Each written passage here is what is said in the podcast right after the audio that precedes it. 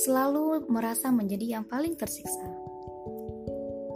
Hai sahabat Samos, kamu ngerasain gak sih? Kita itu sering banget merasa yang paling susah, yang paling sibuk, yang paling tersiksa, yang paling gak bahagia, bahkan paling-paling yang lainnya. Kalau ketemu temen, yang diceritain pasti tentang kesulitan yang kita hadapin. Seakan-akan kita adalah makhluk ter ter ter terburuk di dunia ini. nah, kalau udah giliran begitu, jadinya obrolan hanya satu arah alias curhat sepihak.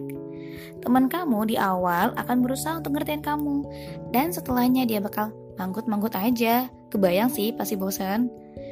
Kita suka banget kan atur pertemuan sama temen Janjinya sih kongko asyik Eh tapi ujung-ujungnya curhat sepihak gitu Guys please itu nggak banget Kita harus bisa saling ngertiin dong Kalaupun mau curhat Ya dibagilah waktunya Gantian Ini malah ngeborong cerita seminggu Udah kayak laundryan Nah, sahabat Samos, kalau didefinisikan, teman itu adalah makhluk yang paling setia di saat suka ataupun duka. Semua sahabat pasti setuju dong. Yap, benar 100% pasti setuju. Hanya saja, kita suka mengabaikan mereka begitu saja. Kadang malah nggak dikasih dia waktu buat curhat. Kan sedih ya?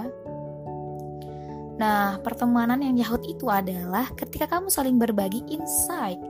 Bisa jadi lewat curhat awalnya, dan di akhir saling take and give saran, komen untuk melegakan persoalan saat itu.